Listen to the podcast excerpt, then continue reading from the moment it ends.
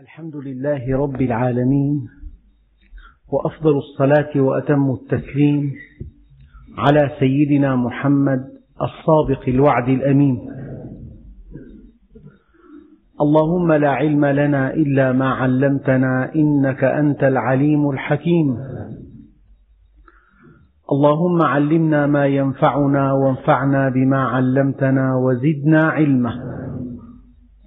وأرنا الحق حقا وارزقنا اتباعه وأرنا الباطل باطلا وارزقنا اجتنابه واجعلنا ممن يستمعون القول فيتبعون أحسنه وأدخلنا برحمتك في عبادك الصالحين. أيها الإخوة المؤمنون مع الدرس السادس من سورة النور بدأنا في الدرس الماضي بالحديث عن موضوع الإفك وقد جاءت آيات بينات تصف هذا الحديث وتبرئ السيدة عائشة رضي الله عنها وتضع للمؤمنين منهجا عليهم أن يطبقوه في قضايا اجتماعية مشابهة لحديث الإفك. فبادئ ذي بدء القصة التي ترد في القرآن الكريم ليست مقصودة لذاتها إنما المقصود أن يستنبط منها أحكام وآداب تكون منهجا للمؤمنين في تعاملهم مع مثل هذه الموضوعات. ولن ترد قصة في القرآن الكريم ما لم تكن قصة نموذجية تمثل آه، نماذج بشرية متكررة. فليس المقصود هذا الحديث بقدر ما هو المقصود أن نستنبط منه الأحكام والآداب والمنهج الصحيح لتعاملنا مع بعضنا بعضا فيما لو وقع مثل هذا الحديث.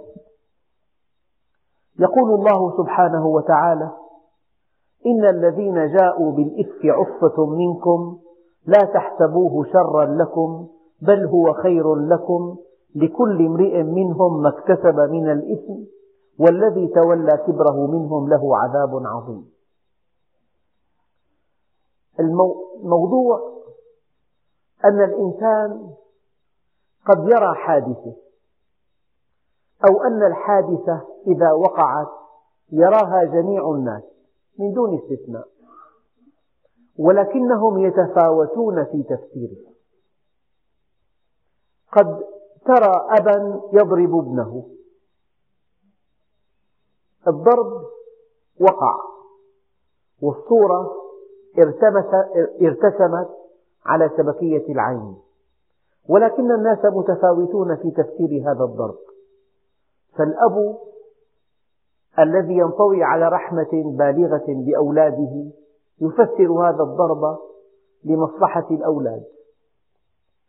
وإنسان صغير السن يرى في هذا الضرب ظلما وإنسان آخر بعيد عن معرفة الأب يرى في هذا الضرب قسوة وإنسان رابع يرى في هذا الضرب تسرعا وإنسان خامس يرى في هذا الضرب تشفيا. فالضرب يراه جميع الناس ولكن الناس متفاوتون في تفسيره. فالبطولة في التفسير الوقائع جميعا نتساوى في, في, في الاطلاع عليها. وقائع الأحداث جميعا نحن نتساوى جميعا في الاطلاع عليها. ولكن الإنسان كلما ارتقى فهمه وكلما اقترب من ربه يملك قدرة على تفسير الوقائع. فربنا عز وجل قال لا تحسبوه شرا لكم بل هو خير. قال بعضهم رب ضارة نافعة. والآية الكريمة التي يجب أن تكون أمامنا جميعا وعسى أن تكرهوا شيئا وهو خير لكم. وعسى أن تحبوا شيئا وهو شر لكم. والله يعلم وأنتم لا تعلمون. المؤمن لما يستسلم لله عز وجل يستسلم إلى الله استسلاما كليا. ومع هذا الاستسلام مطبق لأمره منته عن نهيه. الله سبحانه وتعالى يلقي في قلبه الأمن والطمأنينة. فأي شيء جاءه يقول لا بد من أن يكون الخير كامنا فيه. إما أن يرى الخير ظاهرا فيه أو أن لا يرى فيه خيرا ظاهر فلا بد من خير كامل. النبي علمنا اللهم صل عليه. قال عجبت لأمر المؤمن إن أمره كله خير. إن أصابته سراء شكر فكان ذلك له خير وإن أصابته ضراء صبر فكان ذلك له خير وليس ذلك لغير المؤمن. يعني تطبيقا لهذه المقدمة أحدنا في حياته في زواجه في عمله في دخله في صحته هناك عوارض هناك أشياء مزعجة أشياء مسرة أشياء مقبولة أشياء غير مقبولة أشياء تدفع إلى الألم والحزن أشياء تدفع إلى الضيق. هذه الأشياء المحزنة. أو المفرحة التي تدفع إلى الضيق أو إلى السرور. التوفيق في الزواج أو عدم التوفيق. نشأت مشكلة أو لم تنشأ. فاحت قضية فاحت سمعة سيئة. أنت منها بريء. والله يعلم أنك بريء. مثل هذه القضايا التي تتكرر والتي تحدث في المجتمعات. بل في مجتمعات أهل الإيمان. ينبغي أن تفسر في ضوء هذا الحديث. في ضوء حديث الإفك. لا تحسبوه شرا لكم بل هو خير. يعني كل شيء قبل أن يقع افعل ما تشاء. تلافى وقوعه الله أعطاك عقل. لذلك القضاء والقدر نوعين. آه، لما سيدنا عمر رضي الله عنه كان في طريقه إلى الشام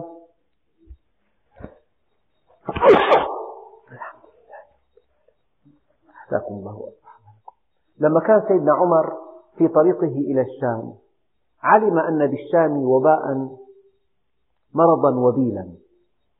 فبعض أصحابه اقترح عليه أن يدخل الشام ولا يبالي بقضاء الله وقدره. يعني لا مفر من قضاء الله. وبعض أصحابه الآخرين اقترح عليه ألا يدخل الشام أخذا بالأسباب. سيدنا عمر بعد إذن امتنع عن دخول الشام. فقال بعضهم يا أمير المؤمنين أتفر من قضاء الله؟ فقال نعم أفر من قضاء الله إلى قضاء الله. ثم قال قولته الشهيرة يخاطب هذا المعترض لو أن هناك واديين من من المرعى. واد معشب وواد مجدب فأنت إذا رعيت غنمك في الوادي المعشب رعيتها بقضاء الله وقدره. وإن رعيتها في الوادي المجدب رعيتها بقضاء الله وقدره. فأنت ماذا تفعل؟ تفر من قضاء الله إلى قضاء الله. فالإنسان قبل أن تقع الأمور يعني في شبح مرض من باب أولى الإنسان يتداوى يأخذ الأسباب. في قضية في طريقها إليك تلافاها أنت. فقبل أن تقع الأشياء يجب أن تحكم العقل ويجب أن تحكم الأسباب ويجب أن تأخذ بالأسباب. لكن بعد أن تقع الأمور يجب أن تعتقد أن هذا الذي وقع هو بقضاء الله وقدره وأن قضاء الله وقدره خير كله للعباد. لأن النبي عليه الصلاة والسلام يقول الإيمان بالقدر يذهب الهم والحزن. فاليوم في شيء بالدرس جديد.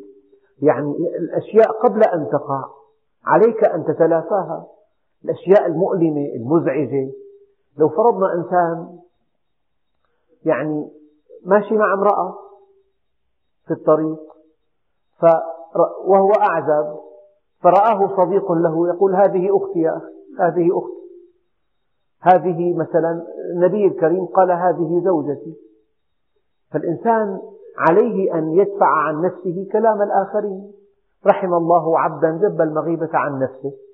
يعني أنت مسافر ووكلت يعني قريب لزوجتك وقد يكون أخاها أن يتفقد أمور البيت. فإذا أعلمت الجيران أنه أنا وكلت أخو زوجتي أن يؤمن لهم الحوائج. هذا كلام ضروري جدا لأنه أنت نسيت عن نفسك. ما قد يتبادر إلى أذهانهم من أن هذا العمل غير صحيح. فقبل أن تقع الأشياء يجب أن تأخذ بالأسباب. يجب ألا تفعل شيئا له تفسيران يجب أن توضح للناس كل شيء. البيان يطرد الشيطان في تعاملك المالي في تعاملك مع النساء في تعاملك الدقيق. يجب أن توضح التوضيح يطرد الشيطان. البيان يطرد الشيطان. ولكن إذا أخذت بكل الأسباب ووقعت مشكلة الآن ليكن هذا الحديث حديث الإفك أسوة لك في حياتك. هذا قضاء الله وقدره. فلا مفر من قضاء الله وقدره إلا بالتوضيح. والله سبحانه وتعالى يتولى الدفاع عن المؤمنين. بقول الله عز وجل إن الله يدافع عن الذين آمنوا. إذا يعني الذي هذا هذا يفيدنا أن كل مشكلة تقع في محيط الأسرة قبل أن تقع عليك أن تتلافى وقوعها. انطلاقا من أنه من أن النبي عليه الصلاة والسلام قال يا رسول الله ناقتي تركتها. أأعقلها أم أتوكل؟ فقال أعقلها وتوكل. انطلاقا من هذا التوجيه النبوي عليك أن تعقل ثم تتوكل. عليك أن تأخذ بكل الأسباب ثم تتوكل على رب الأرباب. هذا قبل أن تقع المشكلة. لكن إذا أخذت بكل الأسباب ثم وقعت هذا من هذا قضاء الله وقدره. لذلك ربنا سبحانه وتعالى عندئذ يتولى الدفاع عنك ويتولى تبرئة البريء وإدانة المتهم. لا تحسبوه شرا لكم بل هو خير خير لكم لكل امرئ منهم ما اكتسب من الإثم والذي تولى كبره منهم له عذاب عظيم. يا ربنا عز وجل يعامل الناس بميزان دقيق جدا. حديث الأفق إنسان تولى ترويجه في المدينة والذي تولى كبره منكم يعني أن يشيع هذا أن يشاع هذا الحديث أن ينتقل من بيت إلى بيت أن يتفاقم الأمر هذا الذي يفعل هذا له عذاب عظيم.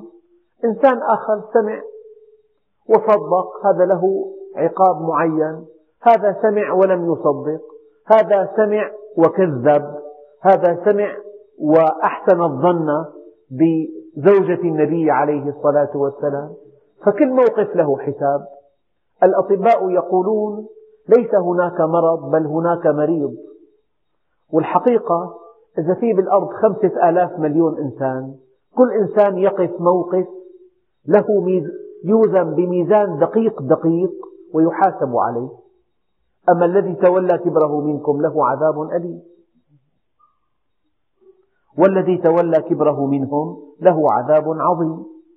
لولا إذ سمعتموه ظن المؤمنون والمؤمنات بأنفسهم خيرا وقالوا هذا إفك مبين. هذه لولا حرف حظ بمعنى هلا فيا أيها المؤمنون آه، هلا إذا سمعتم هذا الحديث المفترى. ظننتم بأنفسكم خيرا قستم هذا على أنفسكم. إنكم لن تفعلوا هذا الذي يروج عن صفوان وعن السيدة عائشة.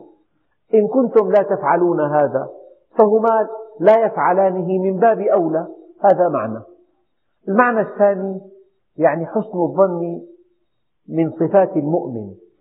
قال عليه الصلاة والسلام حسن الظن بالله ثمن الجنة وحسن الظن بإخوتك المؤمنين دليل أنك مؤمن. أنت مؤمن وتعرف من هو المؤمن. فحسن الظن بالمؤمنين دليل إيمانك وسوء الظن بالمؤمنين دليل بعدك عن الإيمان. لهذا قيل من أساء الظن بأخيه فكأنما أساء الظن بربه. أنت حينما تسيء الظن بأخيك المؤمن فكأنما تشكك في هذا الدين. يعني هذا الدين لم يستطع أن يرقى بهذا الإنسان إلى المستوى الأكمل. لذلك من أساء الظن بأخيه المؤمن فكأنما أساء الظن بربه. لولا إذ سمعتموه ظن المؤمنون والمؤمنات بأنفسهم خيرا وقالوا هذا إفك مبين. لذلك قالوا نحن نفهم الأشياء كما نحن عليها.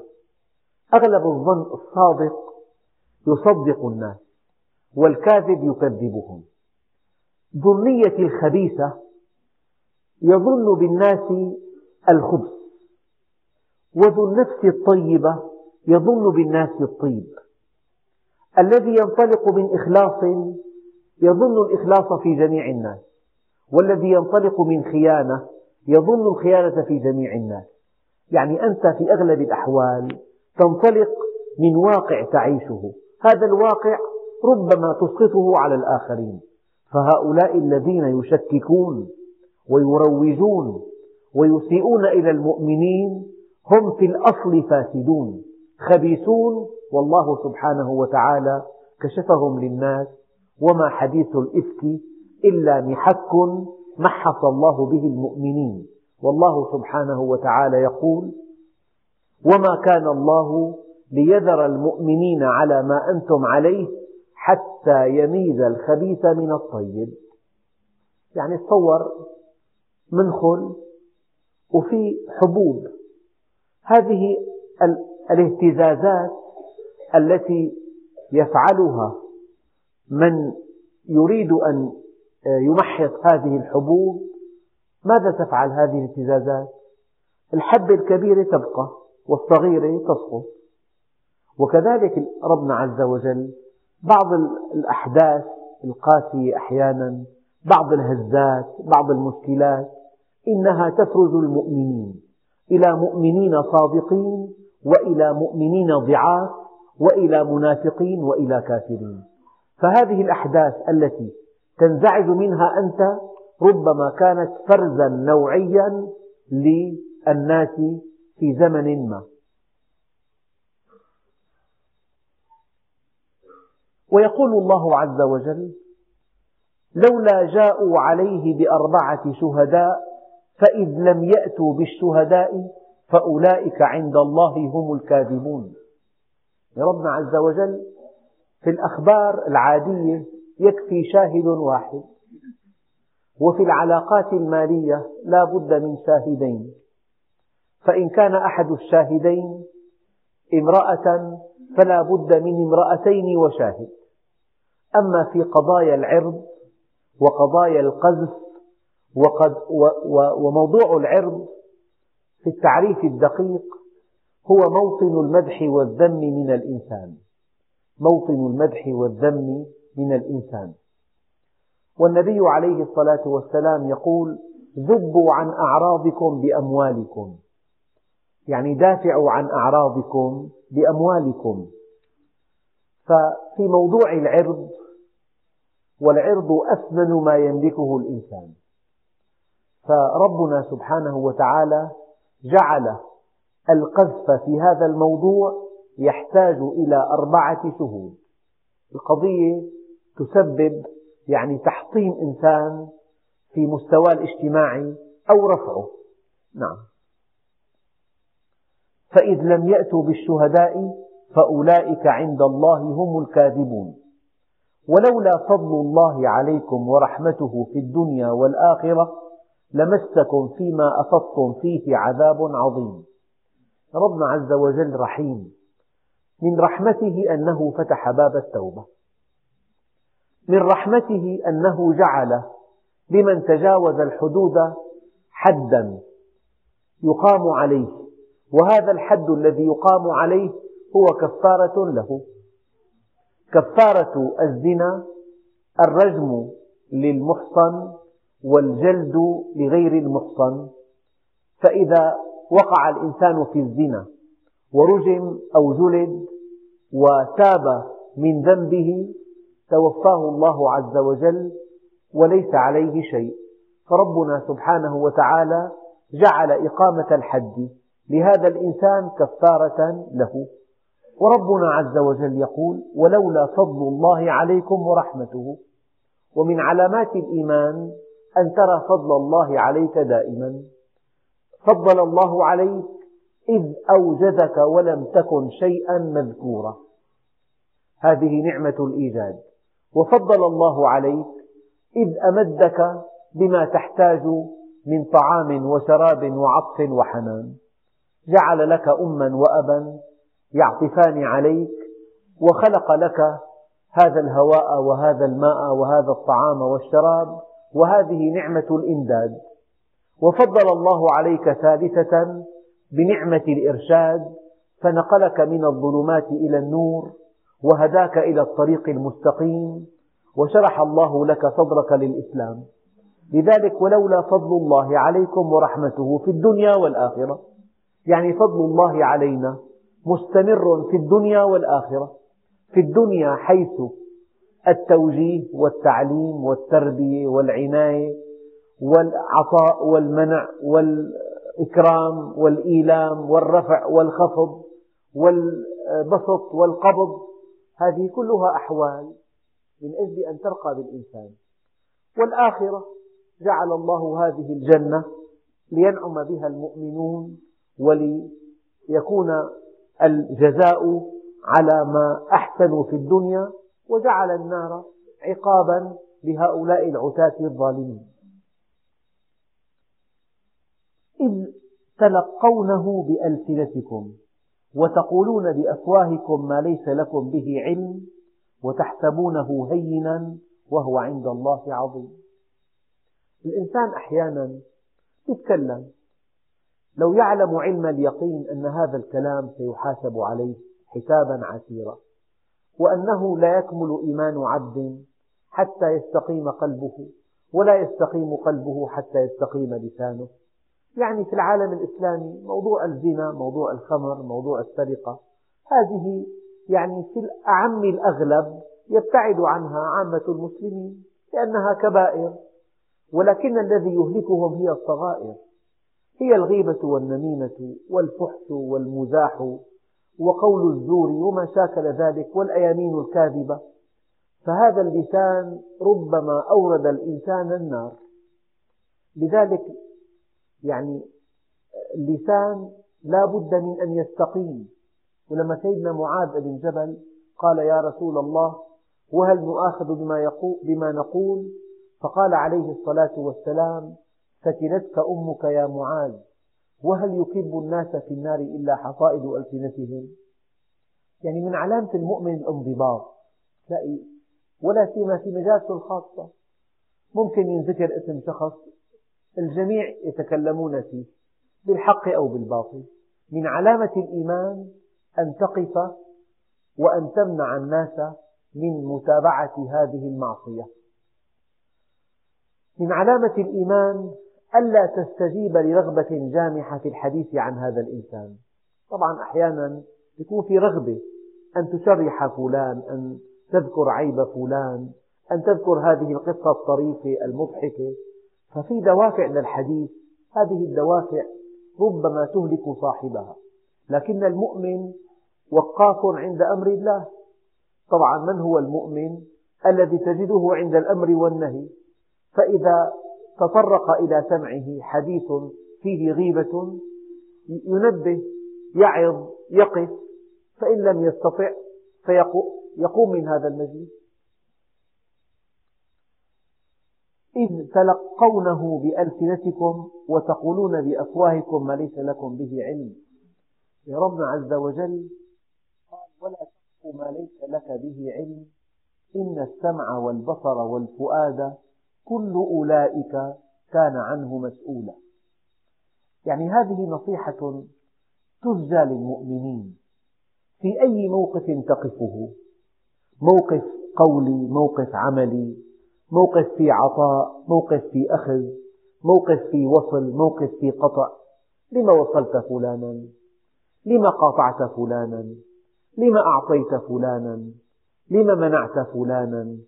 لما بالغت في مودة فلان؟ لما جفوت فلان؟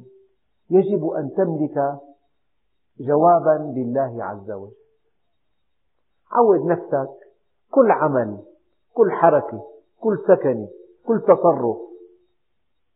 في كل أحوالك تصور أنك واقف بين يدي الله عز وجل والله عز وجل يسألك لما فعلت هذا. لما أعطيت فلان؟ لما منعت فلان؟ لما وصلت؟ لما قطعت؟ لما آه، كنت بشوشا مع فلان؟ أيام إنسان يكون رئيس دائرة. تلاقي مع موظف لطيف مؤنس مع موظف متجهم هذا في حساب عليه. والله الذي لا إله إلا هو. لا بد من أن يحاسب. لما كنت مع فلان؟ كثير الود. لما كنت مع فلان مجافيا الله يعلم في السبب. في سبب طبعا. في سبب منح وده لهذا ومنع هذا الود عن فلان. بأسباب مادية يا ترى؟ ما نعرف. في حساب. حتى الأب يحاسب. لما قبلت هذا الابن ولم تقبل هذا؟ لما أعطيت هذا وحرمت هذا؟ لما منحت هذا الابن بيتا؟ ولم تمنح هذا بيتا. لما فرقت بينهما؟ أشهد غيري كما قال النبي الكريم فإني لا أشهد على جور. فالبطولة في كل حركاتك وسكناتك أن تملك جوابا صحيحا لرب العزة. لما تزوجت فلانة؟ لما طلقتها؟ لما طلقتها؟ لما تزوجتها؟ وأنت في نيتك أن تطلقها. الله سبحانه وتعالى يعرف ذلك.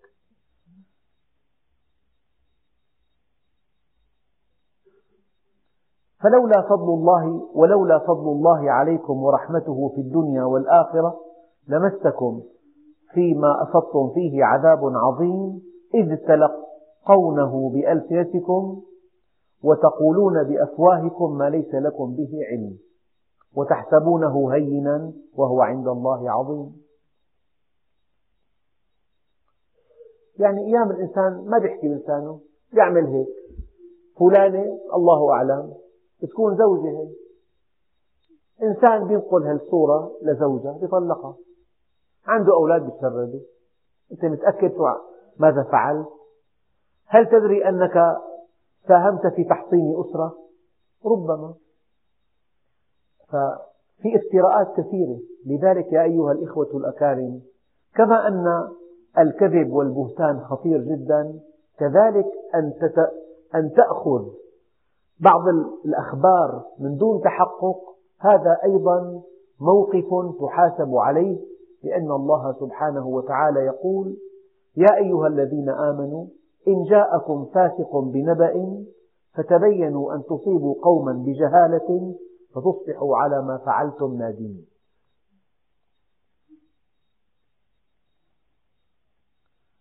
ولولا إذ سمعتموه قلتم ما يكون لنا أن نتكلم بهذا سبحانك هذا بهتان عظيم. يعني المؤمن الحق هكذا يفعل. إذا سمع عن مؤمن صادق مستقيم ورع تقي نقي إذا سمع قصة لا تليق به يجب أن تقول ما لي أن أقول أن, أن أصدق هذه القصة. هذا بهتان عظيم. هذا افتراء. هذا إثم. في هون بأتي عنا حالة أنت أخ. لك أخ كريم. واثق أنت من صدقه ومن استقامته ومن ورعه ومن طاعته ومن عبادته ومن ومن. واثق تماما. جاءك خبر عنه لا يليق به. فأنت أحد حالين. إما أن تصدق وإما أن تشكك وإما أن ترفض. فإذا كان شككت لك أن تستوضح الأمر. هذا واجبك وإذا كانت كذبت وكنت مرتاحا لهذا التكذيب فهذا عمل طيب. أنت بهالحالة هي لست مضطرا أن تحقق.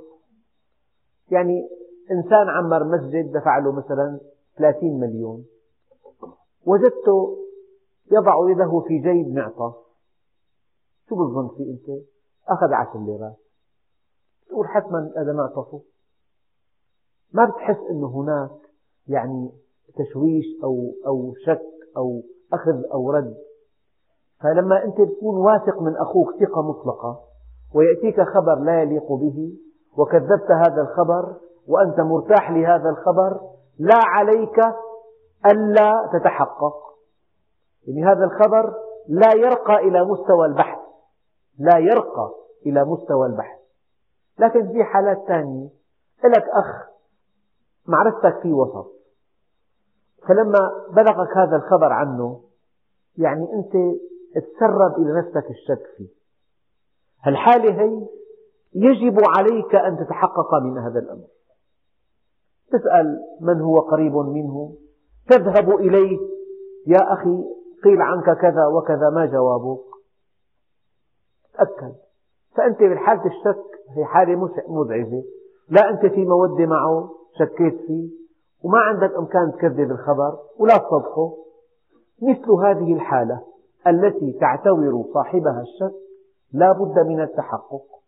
وإذا كان شخص بعيد عن الحق وقالوا عنه مثلا عمل معصية فأنت شفت هالمعصية تتناسب مع بعده عن الدين مع مع تكذيبه للدين. ربنا عز وجل يعني بيتمنى بينتظر من عبده المؤمن ما يقع في الذنب مرتين.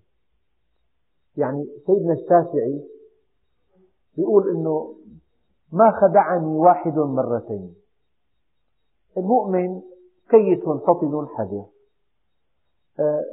سيدنا عمر قال لست بالخب ولا الخب يخدعني. الإنسان زلت قدمه تورط وسمع قصة فيها يعني تعريض بمؤمن فبعدين ثبت له أنه الإنسان بريء. لكن ثاني مرة يجب أن تتحقق. لذلك يعني الإنسان إذا وقع في المشكلة مرتين أو ثلاثة فهذا دليل غبائه.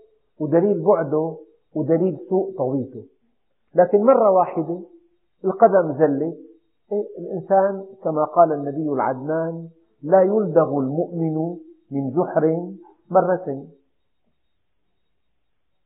يعظكم الله أن تعودوا لمثله أبدا. أي أبدا لاستغراق المستقبل. الإنسان أحيانا ينعقد في نفسه عزم أكيد على ألا يعود لهذه المعصية أبدا. الإمام الغزالي رضي الله عنه يرى أن التوبة تحتاج إلى ثلاث ثلاث مراحل. مرحلة العلم ومرحلة الندم ومرحلة العزم. يعني التوبة علم والتوبة حال والتوبة سلوك. فأن أن التوبة علم لولا أنك علمت أن هذه معصية ما تبت منها فلا بد من العلم. والإنسان لما يحضر مجلس علم هذا المجلس هدفه أن تعرف أين أنت من الدين. ترى أنت مطبق غير مطبق؟ في موضوعات كثيرة تطرح. هل أنت مطبق لهذا الموضوع؟ هل أنت غير مطبق؟ الإنسان بمجلس علم يقيم نفسه يعرف أين هو من الدين. هل القضية الفلانية حكم الشرع فيها كذا وكذا؟ هل أنا مطبق لها؟ فإذا الإنسان ما تلقى العلم يظن أنه جيد وهو سيء وهي أكبر مصيبة. يعني جهل مركب. من الناس من يدري ويدري أنه يدري فهذا عالم فاتبعوه. منهم من لا يدري ويدري أنه لا يدري فهذا جاهل فعلموه. ومنهم من لا يدري ويدري أنه يدري فهذا شيطان فاحذروه. الإنسان بالعلم يعرف مقامه يعرف مرتبته يعرف مكانته من الدين والإنسان يتعود يواجه الحقيقة المرة يعني إذا الإنسان في عنده رغبة دائما مستمرة يدافع عن نفسه إذا كان مقيم على معاصي متعلقة بالنساء مثلا أخي مين قال لك هي حرام؟ ما فيها شيء هي ما فيها شيء مين قال لك أنت؟ فالناس بشكل عام يدافع عن نفسه يدافع عن واقعه إذا في له مخالفات بكسب المال أخي حللوها هي فيها فتوى أنت غلطان. دائما يبحث عن فتاوى وعن عن توجيهات بتغطي معاصيه. فالإنسان في عنده رغبة يدافع عن واقعه السيء أو الجيد. فلما الإنسان بيحضر مجلس علم في أشياء واهية تزول عنه حسب دخله حلال طلع دخله في شبهات ظن حاله بهالنشاط الاجتماعي أو بغرض طلع في عنده مخالفات كثيرة جدا. هي اللقاءات كلها فيها معاصي لله عز وجل. فالإنسان يتعلم وبيعرف بالعلم مكانته من الدين. أما إذا كان ما كلف خاطره يحضر مجلس علم كيف بده يعرف حاله؟ على حق أم على باطل. يعني يظن أنه على حق ويتوهم أنه على حق. ويحسب أنه على حق وهو على خلاف ذلك. ربنا عز وجل قال قل هل ننبئكم بالأخسرين أعمالا الذين ضل سعيهم في الحياة الدنيا وهم يحسبون أنهم يحسنون صنعا؟ يعني هذا بالإنسان عيب كبير أنه يتوهم حاله على حق وعلى باطل. يظن أنه هو مستقيم وهو غير مستقيم. أو أنه إنسان آخر يبحث عن الرخص. تسأل علماء كثيرين هي هذا أحسن من هذا. سمح فيها هي هذا ما سمح فيها. هذا متزمت هذا مرن. شيخ عصري هذا. يعني ممكن يقبل بهي فبتلاقي همه الأوحد يتقصى الرخص عند كل العلماء يطلع بدين عجيب. كله رخص الدين. ما في ما في عزائم أبدا. هي دبرت فتوى وهي لقى في رأي بالكتاب موجودة وهي في واحد قال له ما فيها شيء هي. أخذ على ذمته وهي حطها برقبة فلان طلع ما في دين إطلاقا. فالإنسان إذا كان حضر مجلس علم يعني بيعرف أين هو من الدين. ويبين الله لكم الآيات والله عليم حكيم. إن الذين يحبون أن تشيع الفاحشة في الذين آمنوا لهم عذاب أليم في الدنيا والآخرة والله يعلم وأنتم لا تعلمون. حقيقة هذه الآية تقطع الظهر.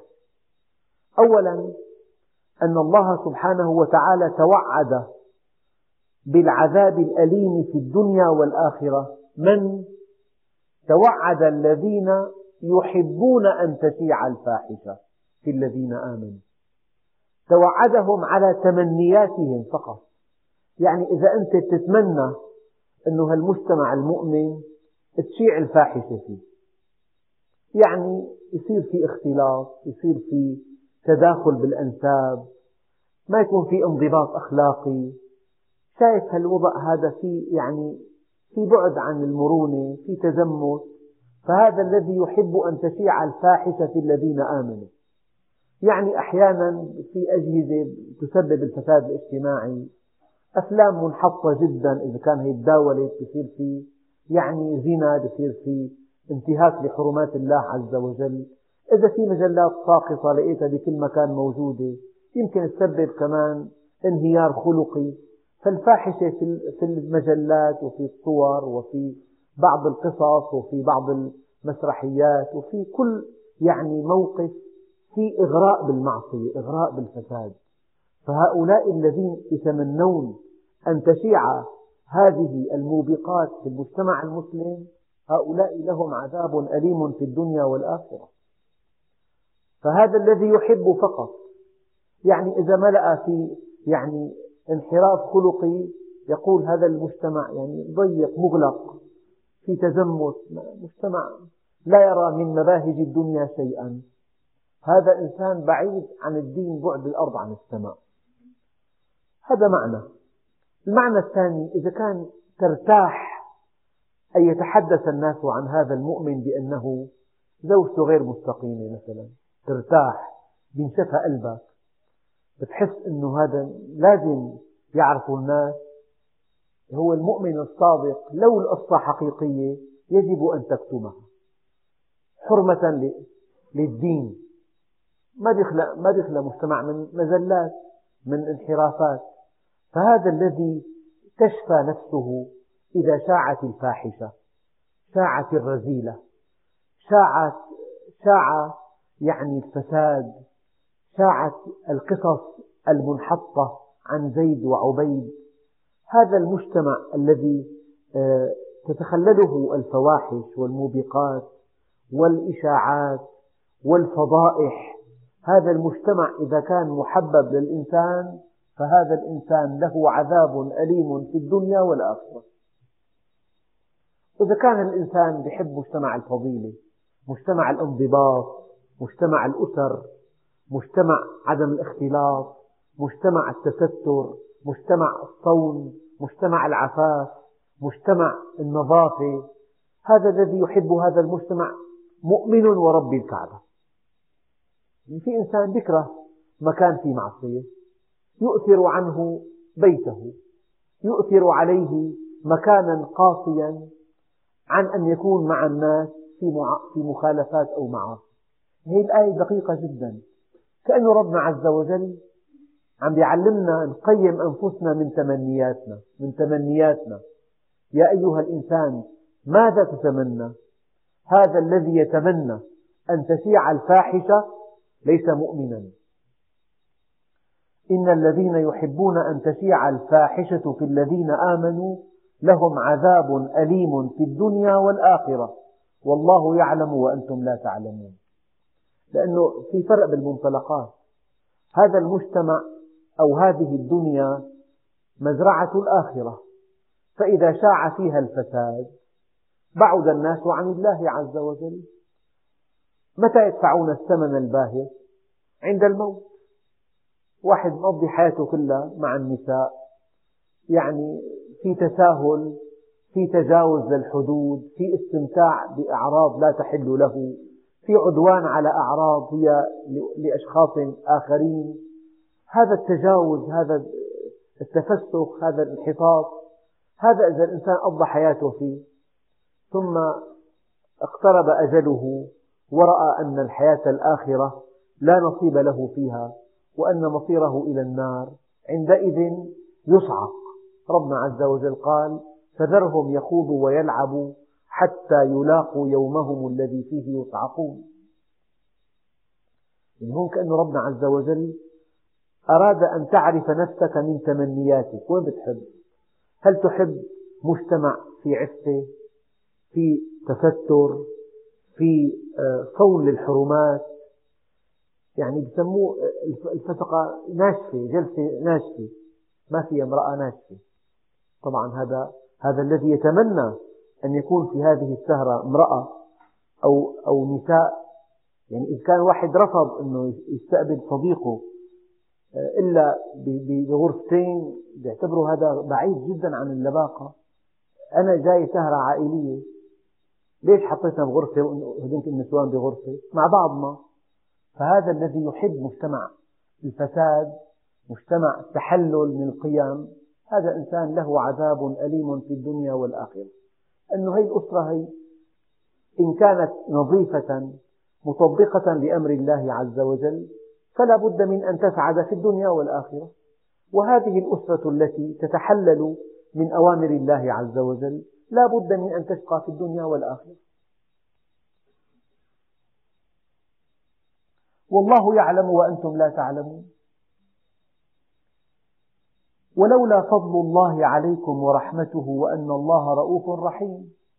لولا فضل الله عليكم ورحمته بأن جعل لهذه الانحرافات حدودا تحد وجعل لهذه المعاصي توبة ترد ترد بها المعاصي. لولا هذه الحدود ولولا تلك التوبة ولولا هذا العتاب ولولا هذه هذه الترتيبات لانتهي لانتهى بكم المقام إلى النار. ولولا فضل الله عليكم ورحمته وأن الله رؤوف رحيم بكم. يا أيها الذين آمنوا لا تتبعوا خطوات الشيطان. حقيقة هذه أخطر آية في سورة النور. لأن الإنسان لو سألت إنسان واقع في كل المعاصي ما ما هي أسباب هذا الانحدار الشديد؟ يقول لك أول خطوة أول خطوة الشيطان لن يدعو أحدا إلى الزنا ولكن يدعوه إلى إلى النظر إلى هذا الجمال الذي خلقه الله عز وجل لك يا أخي إن الله جميل يحب الجمال يدعوك إلى شيء يعني في في نظرك خطوة بسيطة جدا. يدعوك إلى الذهاب إلى هذا المكان إلى هذه السهرة إلى قراءة هذه القصة إلى مشاهدة هذا الفيلم. يدعوك بأول خطوة لكن هذه الخطوات تجر أختها. إلى أن إلى أن يصل الإنسان إلى الحضيض وهو لا يدري. لذلك في شهوة إلى قوة جذب. في الشهوات ذات قوة ذات الخاصة التي تجذب ربنا عز وجل قال وتلك حدود الله فلا تقربوها. يعني لا بد من أن تدع بينك وبين حدود الله هامش أمان. يعني هذا الطريق أن تسير فيه لا يرضى الله عنك. هذا الكتاب إذا قرأته لا يرضى الله عنك. هذا الصديق إذا صاحبته لا يرضى الله عنك. هذه السهرة إذا ذهبت إليها لا يرضى الله عنك. هذه النزهة إذا شاركت فيها لا يرضى الله عنك. فهي أول خطوة. أن تصاحب إنسان غافل إنسان زاني إنسان بعيد عن الله عز وجل. له حديث معين له إغراء معين. فربنا عز وجل لحرصه علينا نهانا عن أن نتبع خطوات الشيطان. الشيطان يدعونا خطوة فخطوة إلى أن تقع الكارثة. يعني كم من من امرأة خانت زوجها بسبب أنها تبعت الشيطان خطوة واحدة. من خطوة لخطوة صار في خلوة صار في خيانة صار في طلاق صار في فضيحة صار في أولاد مشردين. مأساة كبيرة جدا انتهت بالطلاق والتشريد والسمعة السيئة والفضيحة. أسبابها أنها قبلت أن تخطو خطوة واحدة. فربنا عز وجل قال يا أيها الذين آمنوا لا تتبعوا خطوات الشيطان. إنسان أيام يكتشف أنه في بيته في خيانة كبيرة. سببها أنه قال للجار تفضل أبو فلان. فوتي يا أم المؤمنين هذا مت أخوك.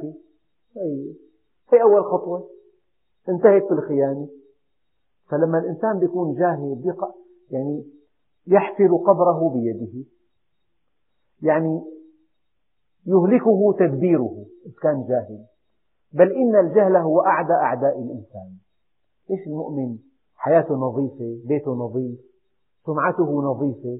ما في منافذ لأنه للشيطان. ما في اختلاط في حياته. في عنده أشياء ممنوعة.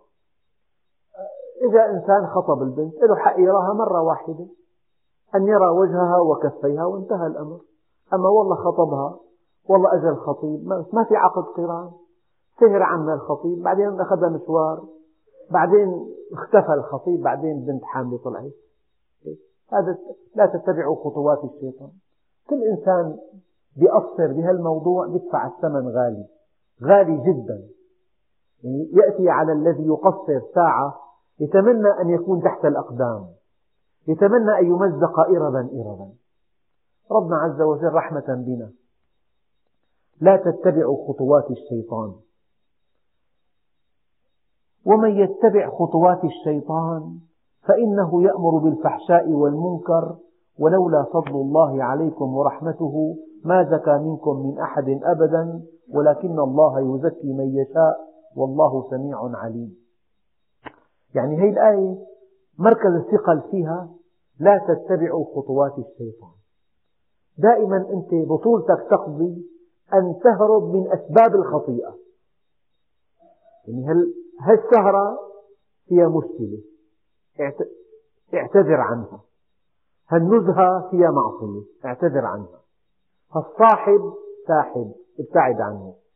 هالقصة مغرية ابتعد عنها. هالمشاهدة تفضي إلى الانحراف ارفضها. هي كلها خطوات الشيطان. أساسا أكبر المعاصي وأكبر أنواع الانحلال الخلقي أساسه خطوة. وربنا عز وجل قال ولا تقربوا الزنا. لم يقل ولا تزنوا قال ولا تقربوا الزنا. يعني الزنا في قبله في خطوات كثيرة جدا والشيطان يقال عنه إنه ذكي. لا يأمر الإنسان أن يفعل الفاحشة يأمره أن يفعل عملا صالحا. علمها القرآن علمها. هديها وجهها بيوجهها بخلوة. كان عم بيوجهها صار في زنا بعدين. يعني كثير في حالات بالسن أساسا مخالفة للشرع. يا أيها الذين آمنوا لا تتبعوا خطوات الشيطان. يعني كمان الموضوع بجوز يأخذ منحى آخر. مو كل المعاصي معلقة بالنساء في معاصي مالية.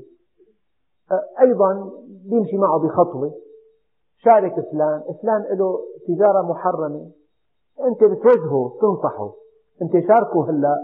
لعل الله يهديه على يدك يا أخي. أنت كمان ليش يأسى من هدى؟ بيشاركه بيعطيه أرباح طائلة كل عنده ملهى عنده مطعم في خمر. لاقي مبلغ ضخم إجا بالسنة صار ماله كله حرام. ما عاد في عنده إمكانية بقى يتخلى عن الشركة هي. وعي. وقع ولم يدري أنه وقع.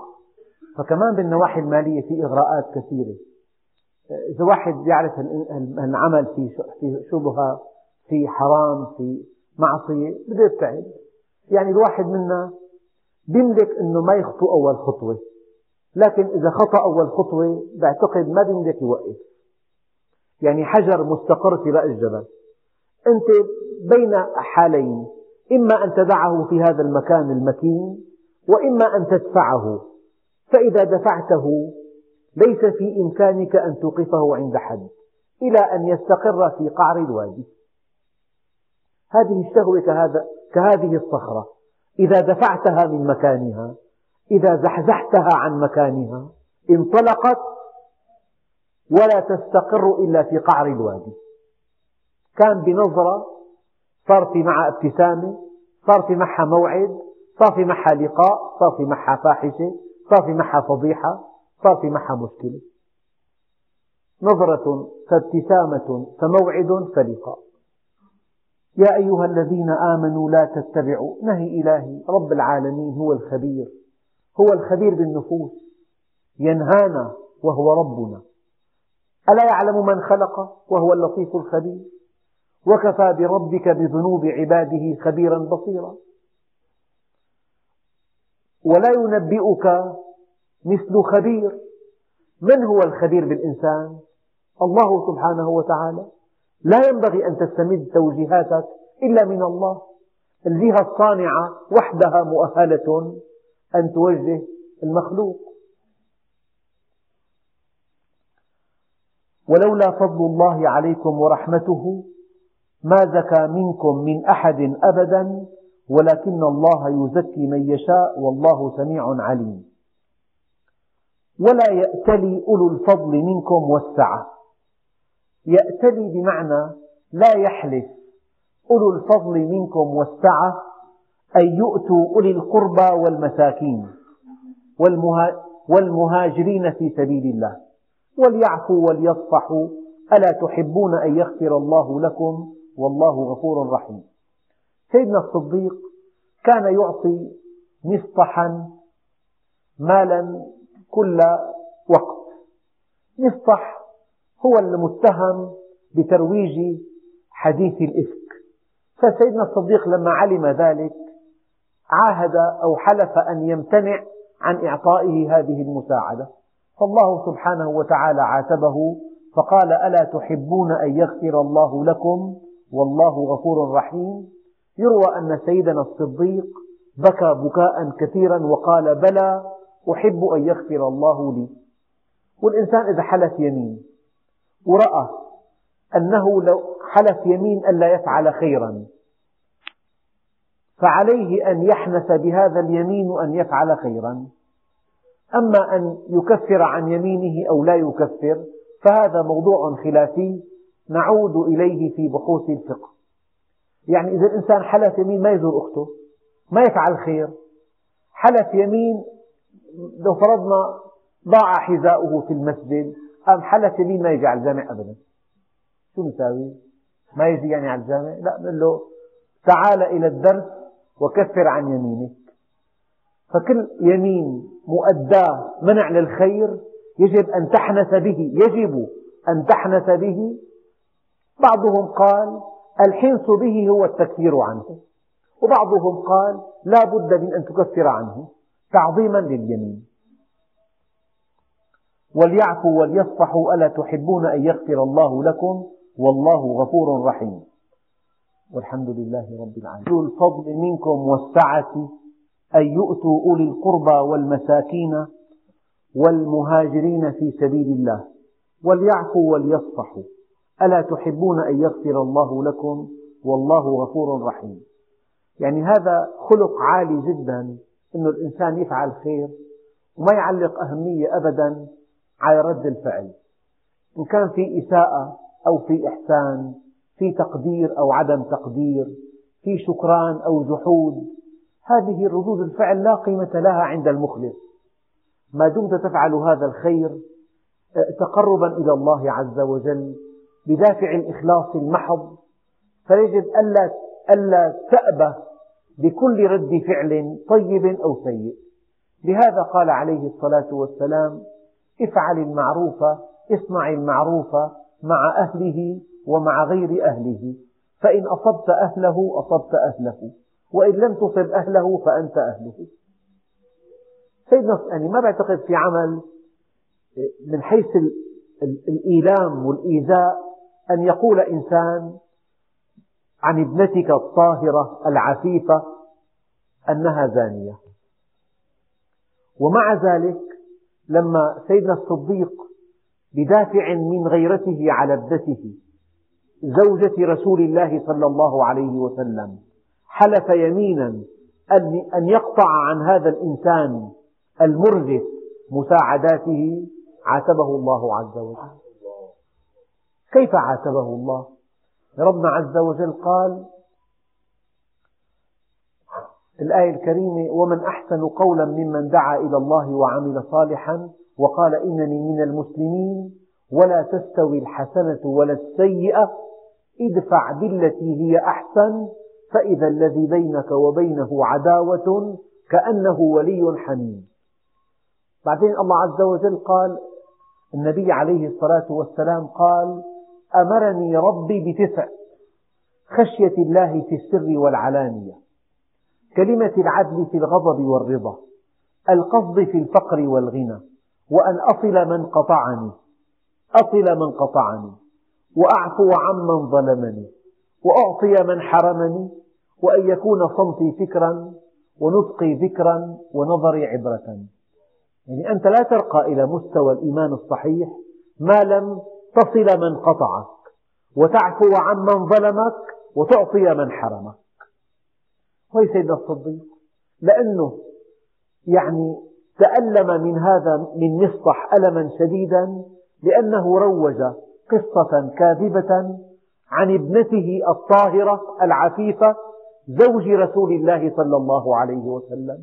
فلما نوى عزم على أن يقطع عن هذا الإنسان المبطل آه، مساعداته عاتبه الله عز وجل.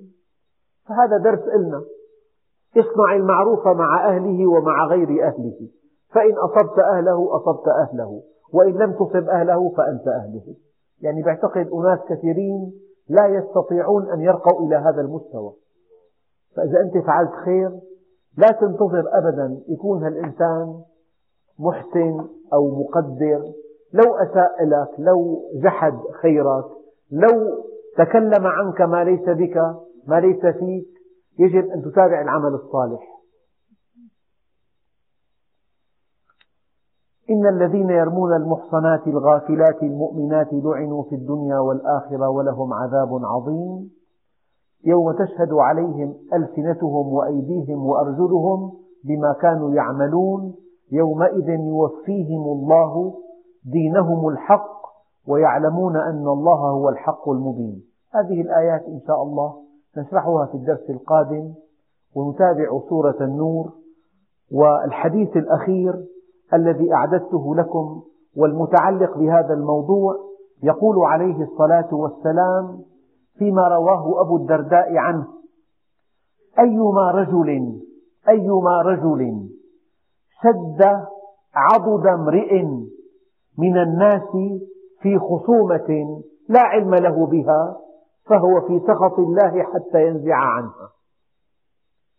تدخل مع إنسان بخصومة وأنت لا تعرف ما موضوع الخصومة لكن معه على حق أو على باطل أيما امرئ شد عضد امرئ مع الناس من الناس في خصومة لا علم له بها فهو في سخط الله حتى ينزع منها. وأيما رجل قال بشفاعته دون حد من حدود الله أن يقام فقد عاند الله حقا. يعني كان الله عز وجل جعل للزنا حد. إذا أنت أردت أن تمنع إقامة هذا الحد لسبب أو لآخر فأنت كأنك تعاند الله حقا. وأقدم على سخطه وعليه لعنة الله تتتابع إلى يوم القيامة. الفقرة الثالثة والأخطر شيء وأيما رجل دققوا في هذا في هذا الحديث. وأيما رجل أشاع على رجل مسلم كلمة هو منها بريء يرى أن يشينه بها في الدنيا كان حقا على الله تعالى أن يرميه بها في النار يوم القيامة. تعرفه بريء. وأردت أن تشيع عليه هذه التهمة وأن تروجها بين الناس من أجل أن تحطمه. هذا العمل يكفي لدخول النار. أيما رجل أشاع على رجل مسلم كلمة هو منها بريء يرى أن يسينه بها في الدنيا. كان حقا على الله تعالى أن يرميه بها في النار والحمد لله رب العالمين.